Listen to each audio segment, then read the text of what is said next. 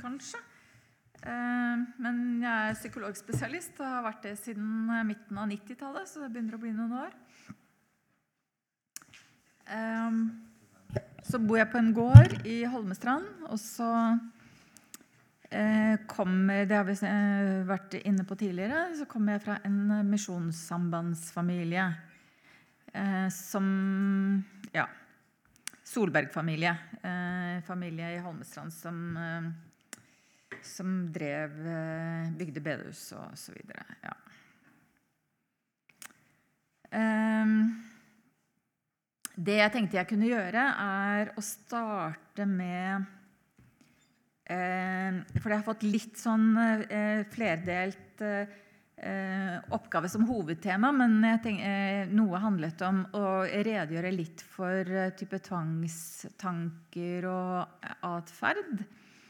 Det ligger eh, inn under litt sånn psyk, eh, psykologiske lidelser som både kan være eh, det man kaller personlighetsforstyrrelse. Hvis det ikke er så mye av det, så vil man si at det er noen personlighetstrekk.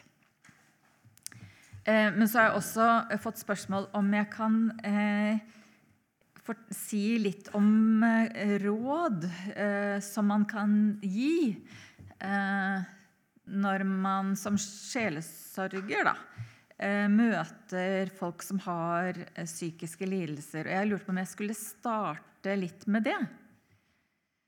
Eh, og da og, og så tenker jeg at Hvis jeg kom, når jeg kommer til det, det, med tvang, så kan det hende at jeg snakker om litt forskjellige lidelser. Ikke bare det, men, eh, men kanskje an, flere andre personlighetstrekk òg. Høres det ut som er en mulig plan? Eh, For da eh, vil jeg starte med å si at veldig mye psykisk lidelse kan eh, på en eller annen måte koke ned til angst. Og det, eller det kan også koke ned til en form for depresjon.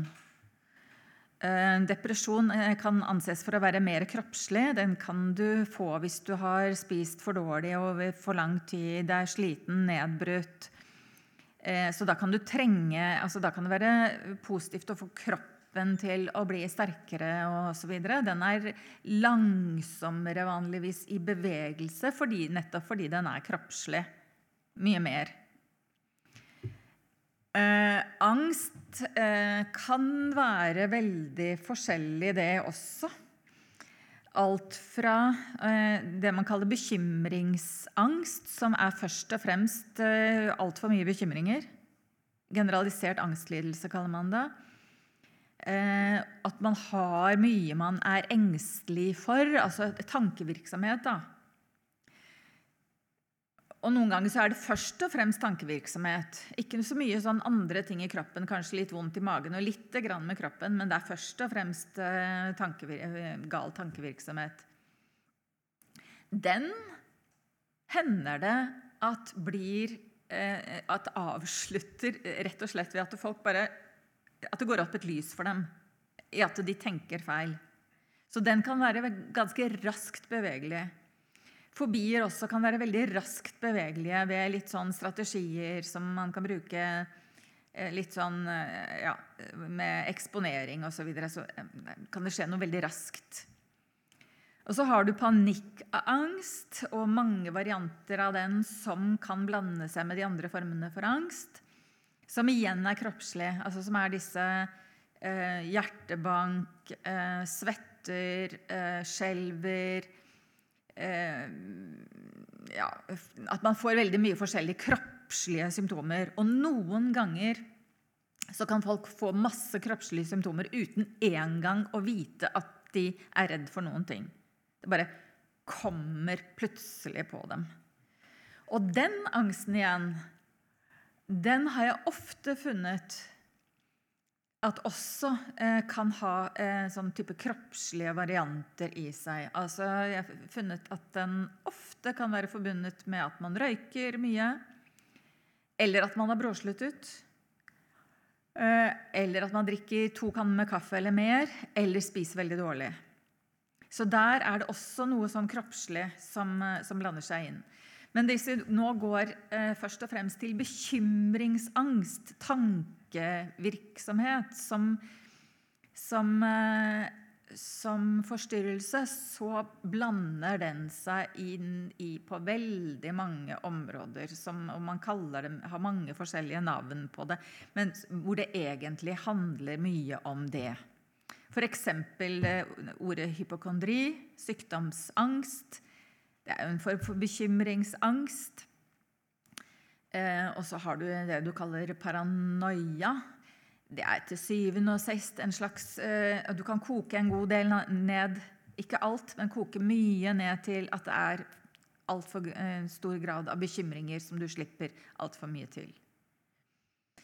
Eh, og når det gjelder tvangstanker det er, for, det er noe Tvangstanker kan være at du bekymrer deg for at du skal finne på å gjøre noe galt. eller at du liksom og da blander de seg ofte inn i det du er aller mest redd for å gjøre. Altså overfor de, den eller de du er aller mest glad i. Altså Hvis du har et bitte lite barn, så er det typisk at da er du redd for at du kan komme til å skade barnet. Altså Det du aller minst ville ha gjort. At du kommer en tenk om jeg bare eller plutselig reiser meg opp og sier noe som ødelegger hele min framtid. Eller altså det, det, at det er, eh, altså tanken på at det er så lett å ødelegge så mye, eh, blir til en sånn forstyrrelse. Tenk om jeg gjorde det. Um, og dette valget, det ligger jo i oss. Jeg tror de aller fleste kan ha eh, en bevissthet på et eller annet nivå på den ene og den andre måten om at man har en mulighet til å gjøre det gale. Altså Hvis jeg har holdt en fugl på hånden, det er en uh, treningssak eller det er en kunst da, å jobbe med å få det til, med å ikke se på fuglen og ha noe godt, og den kommer nærmere og nærmere, og så har du fuglen på hånden. Og når du har det, så tror jeg at noe av den litt æresfølelsen av å ha en fugl på hånden også er bevisstheten om at den stoler på deg, og at du kunne ha fanget den. Altså den, eh, det, da er vi litt inne i den eh, tvangstankebiten. Som, eh, hvor det blir en forstyrrelse. At du blir livredd for at du skal gjøre det du aller minst kunne tenke deg å gjort i livet. Når det gjelder tankeforstyrrelser, eh, bekymringstanker og tankeforstyrrelser, så er det et eh, veldig godt råd som jeg kan bruke litt tid på, og det er det vi kaller bekymringstid. Avsatt bekymringstid. Bekymringstime. Det hender at jeg opererer med en bekymringstime om dagen, til og med to timer om dagen, hvis det er en veldig alvorlig forstyrrelse. Og så kan det være en bekymringstime i uka for de som ikke er så hardt rammet. Eh, og da anbefaler jeg at denne tiden ikke er veldig tidlig på morgenen, ikke, absolutt ikke eh, ikke seint på kvelden. Aller helst midt på dagen. Og det er da, det er fordi da er blodsukkeret eh, mest stabilt. Det er da du er sterkest kroppslig. Og da har du ikke tid til det heller. Altså, du har tid til å tenke på bekymringer fra 8 til 12 om natta, men du har ikke tid til det fra 11 til 3 på dagen. Da, da blir du utålmodig. Da tenker du at 'dette kan jeg ikke holde på med'. Eh, og det med bekymringstid, det er fordi hvis, eh, hvis, vi tar helseangst som et eksempel Man er engstelig for at man er syk. Så kan du ikke si at det skal du aldri tenke på. Det blir feil. Du må av og til tenke på helsen din. Og hvis du har en eh, mye bekymring så du, altså du kan ikke si til noen at det skal du aldri mer bekymre deg for. Du skal positivt tenke på helsen din. Og hvis det er noe som dukker opp, så blir det også feil. At du neglisjerer det og bare går videre og later som om det ikke er noe, osv. Så, videre. så du skal tenke på det. Eh, og så er det sånn at hvis man tenker at dette skal jeg slutte å tenke på, så er det veldig lett eh, å skulle tenke seg ferdig før man slutter med det. Og da blir man aldri ferdig. Eh, så eh, det er en veldig viktig og god strategi at du, altså du lager pauser. Du skal ikke tenke på det nå. Nå er det kvelden, du får ikke gjort noe med det nå. Klokka 11 på, dagen, på formiddagen kan du vurdere om du skal ringe til lege. Da kan du vurdere om det er noe du kan få gjort med det. Og så kan du fortsette å bekymre deg for det også, hvis det ikke er noe å gjøre med det. Og det folk, Jeg får tilbakemeldinger på mange mange ganger, det er at neimen altså jeg, man, man, brukte ikke den tiden. Altså det, da har de kunnet skrive ned på en lapp hva det er de bekymrer seg for. Huskeliste til, huskeliste til butikken. Eh, sånn at du slipper å tenke på det òg. For hvis du, har, hvis du har 15 bekymringer det er sånn at Hvis du skal kjøpe 15 ting på butikken, så um, kan du huske det, men du bruker mye energi på å huske det.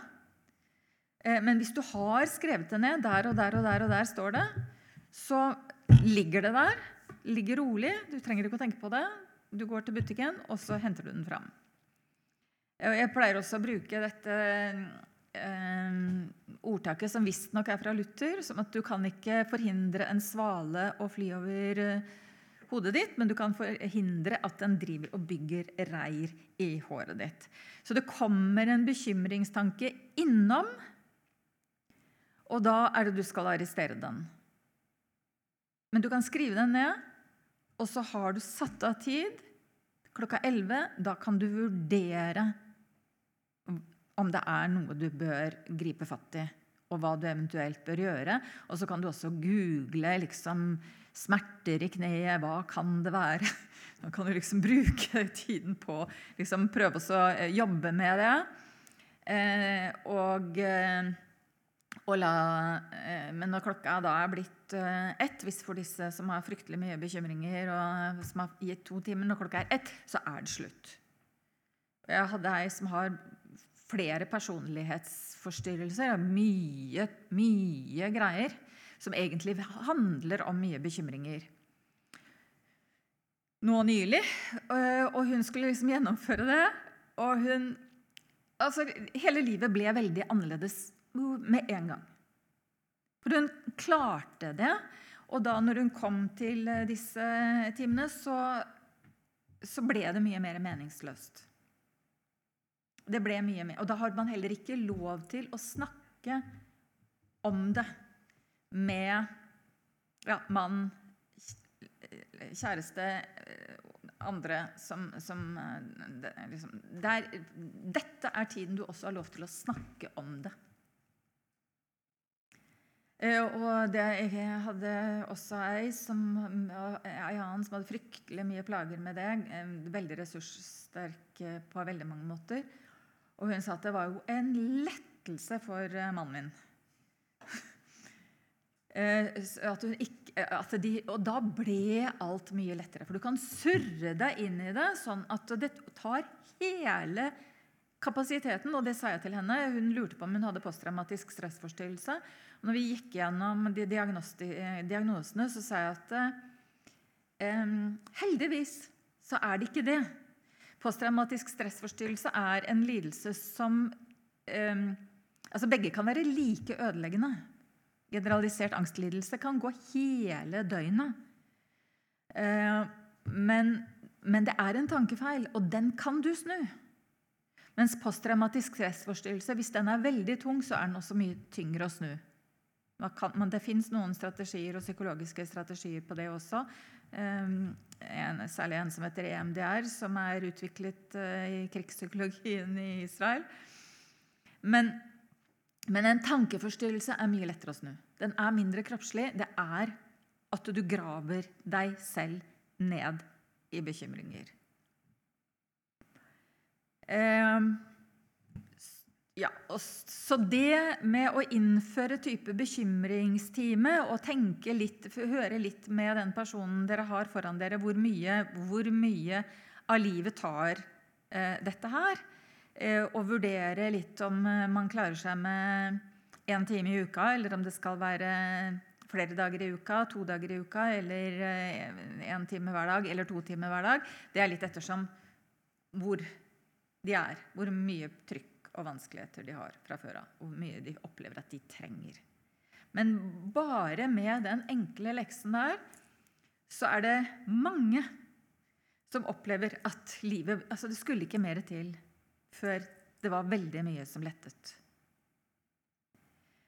Og så har jeg noen innfallsvinkler eh, Det er noen flere sånn psykologiske innfallsvinkler i forhold til angst.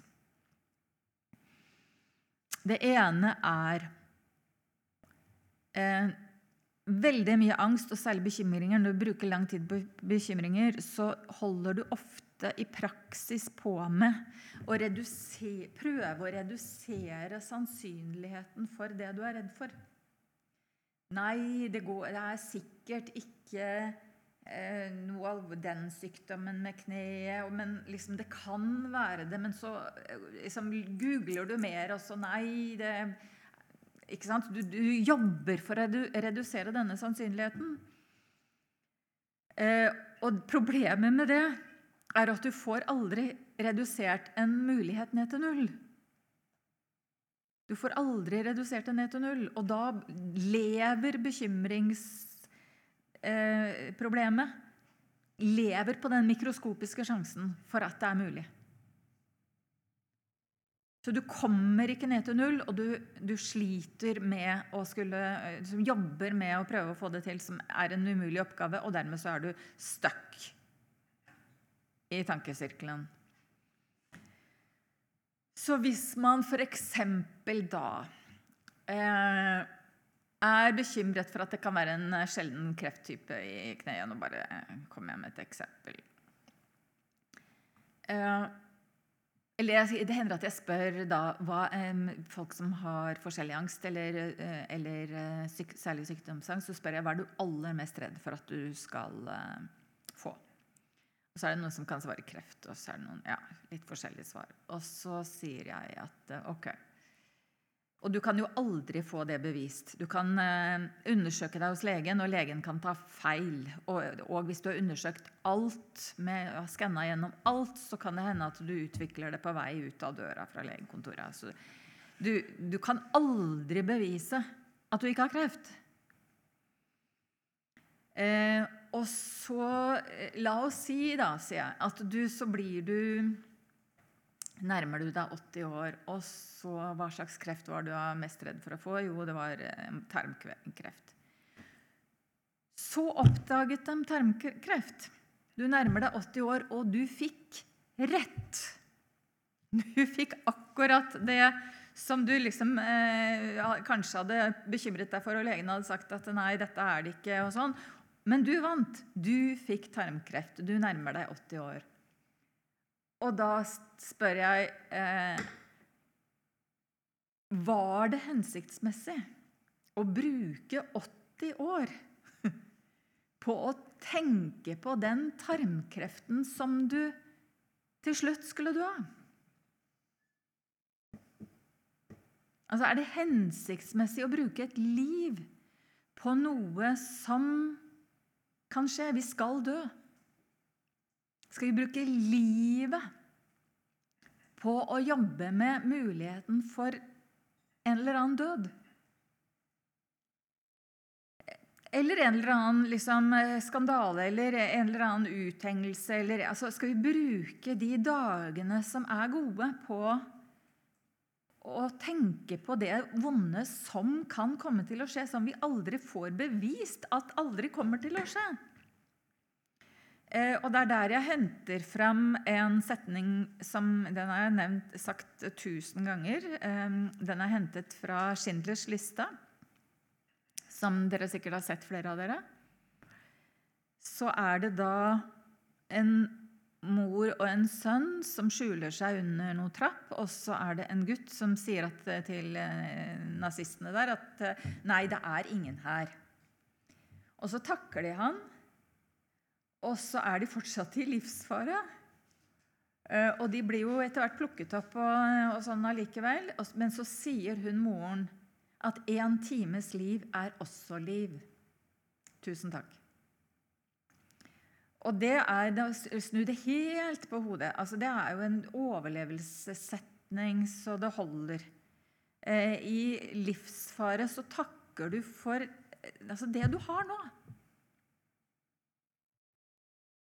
Eh, og blir opptatt av eh, liksom, altså Hvis det, alle disse katastrofene inntreffer i morgen altså Se på hva som er nå. Nå har vi denne naturen. Nå har vi dette solskinnet. Nå synger de fuglene. Eh, dette har vi nå. Og bli overbevist om at om alt skulle rase, så er det desto viktigere å, en, eh, å jobbe for å få en god dag i dag. Nyt dagen.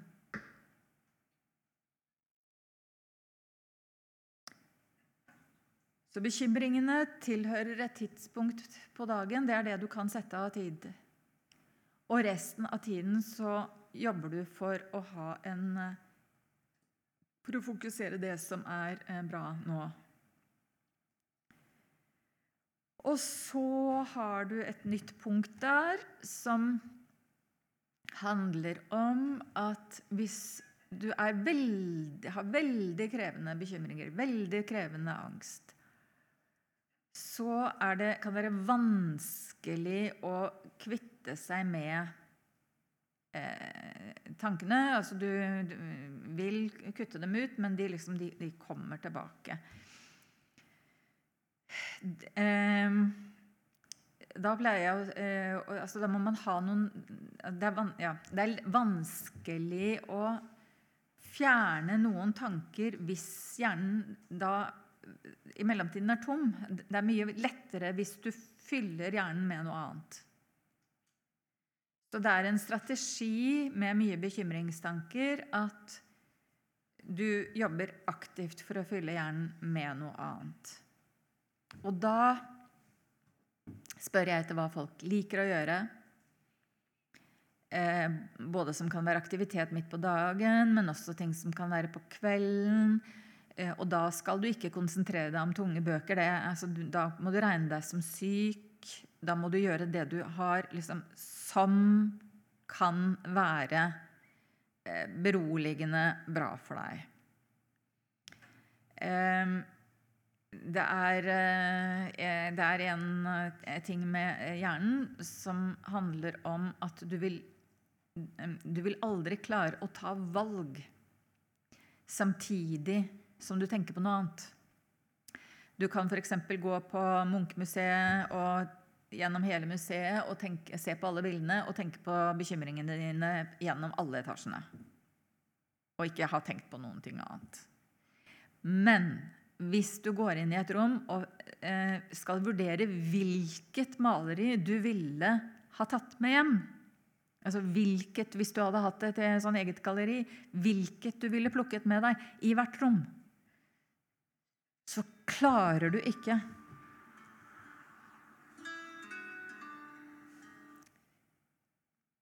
Så klarer du ikke å tenke på noe annet. Så det å ta valg, eh, det kan være bitte små ting. Det kan være eh, legge Plukke litt i fotografiene du har tatt på telefonen, f.eks. Fjerne noen og skulle beholde noen andre. Det kan være ja, et eller annet sånn bitte små ting du kan velge. Det kan være altså Hvis man leser i en diktbok, velge det diktet som du vil sette en strek under. Det kan være ved bibellesning også. Velge akkurat det som du eh, vil plukke fram, som du vil ta med deg. Altså Med en gang du må velge noe, så eh, klarer du ikke å fokusere noe annet. Så det er en strategi. Og så har du en strategi som, er, som handler om bitte, bitte små valg på en veldig sånn positiv eh, flow-måte. Og det er enhver form for kreativitet. Så jeg, Da anbefaler jeg folk som hvis de liker å strikke, eh, ikke bare strikke etter mønster, men det kan også være eh, Det kan holde ting unna, det. Men med en gang du liksom har et par andre farger altså Med en gang du gjør bitte lite grann selv, har et par andre farger inne, eller alt som har bitte lite grann med kreativitet å gjøre, er bitte, bitte, bitte små valg hele veien. Maler du et oljemaleri, så er det, eh, så er det bitte små valg hele tiden. Eh, så kreativitet er en eh, veldig god strategi. Og ellers så gir jeg råd om å altså Kommer det mye sånne negative tanker, så ta en telefon til noen, snakk med noen om noe helt annet. Og hvis de spør deg om hvordan det går med sånn og sånn, si at dette har jeg ikke lov til å snakke om utover mellom 11 eh, og 1. Jeg har jo hatt foreldre som har hatt narkomane barn, som har funnet eh, at dette har vært veldig, veldig, veldig bra for dem. For dette, det, kan, altså det, er jo type bekymringer som kan bli altoppslukende, som kan ødelegge hele resten av familien hvis du, liksom ikke, hvis du gir det plass. Og det kan jo være eh, at man trenger å høre det utenfra noen ganger. fordi det kan være bekymringer i forhold til barn som man opplever at man ikke har lov til. Altså Det kommer litt sånn samvittighetsgreier som gjør at nei, dette må jeg eh, for min samvittighets skyld tenke veldig mye på. Men det hjelper jo ikke. Og det kan ødelegge både deg og de andre i familien. Og da trenger man hjelp utenfra ofte for å skjønne, forstå at jo, men jeg, jeg har et ansvar for å ta vare på meg selv og på mine aller nærmeste. Og det hjelper ikke å tenke på de tingene hele døgnet rundt.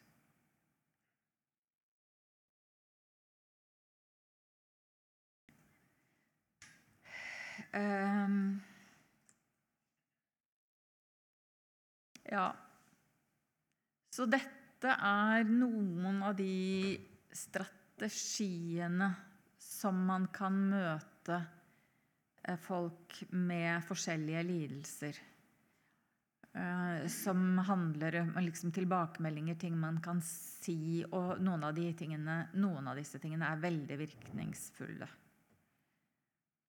Jeg har jo noen ganger hatt eh, møtt folk som har angst for ting som er liksom helt uh, absurd. Uh, hadde ei også godt utdanna eh, dame, og kjæresten hennes eller mannen hennes var med, og han eh, liksom rista på hodet bortimellom der. Altså, hun var redd for at hun skulle få masse hårvekst i ansiktet. Og at det var nesten i ferd med å skje. Uh, og jeg bruker da uh, også noe som kalles paradoksalpsykologi, uh, som er slik at du motsier det ikke. Det, og det handler litt om det samme. altså at Du kan ikke få redusert det ned til null allikevel, så ikke jobb for det. og Da brukte jeg også noe som heter EMDR, som, er, som jeg nevnte i stad. Og så og så jobber vi liksom med at OK um, Hvor mye hår tenker du at det kan bli? Og så bare, liksom bare fortsetter.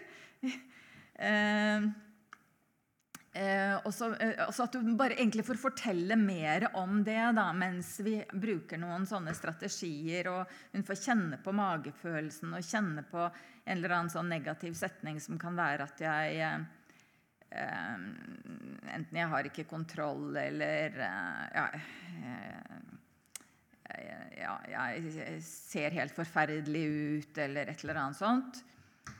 Og så bare går jeg videre med det. Kjenn på det. Liksom, hvordan, kjennes det hvordan kjennes magefølelsen ut nå? Og så videre. Eh, det som skjedde i det tilfellet, var at det var veldig liten bevegelse i den timen. Og så kom hun tilbake alene og så sa hun at hun hadde ikke tenkt på det siden sist, og at det var utrolig tåpelig. så det å, eh, det å ikke protestere på bekymringen, men samtidig eh, signalisere at du ikke tror på det, da, men, men, ikke, men, likevel ikke protestere, men, men, møte det med OK.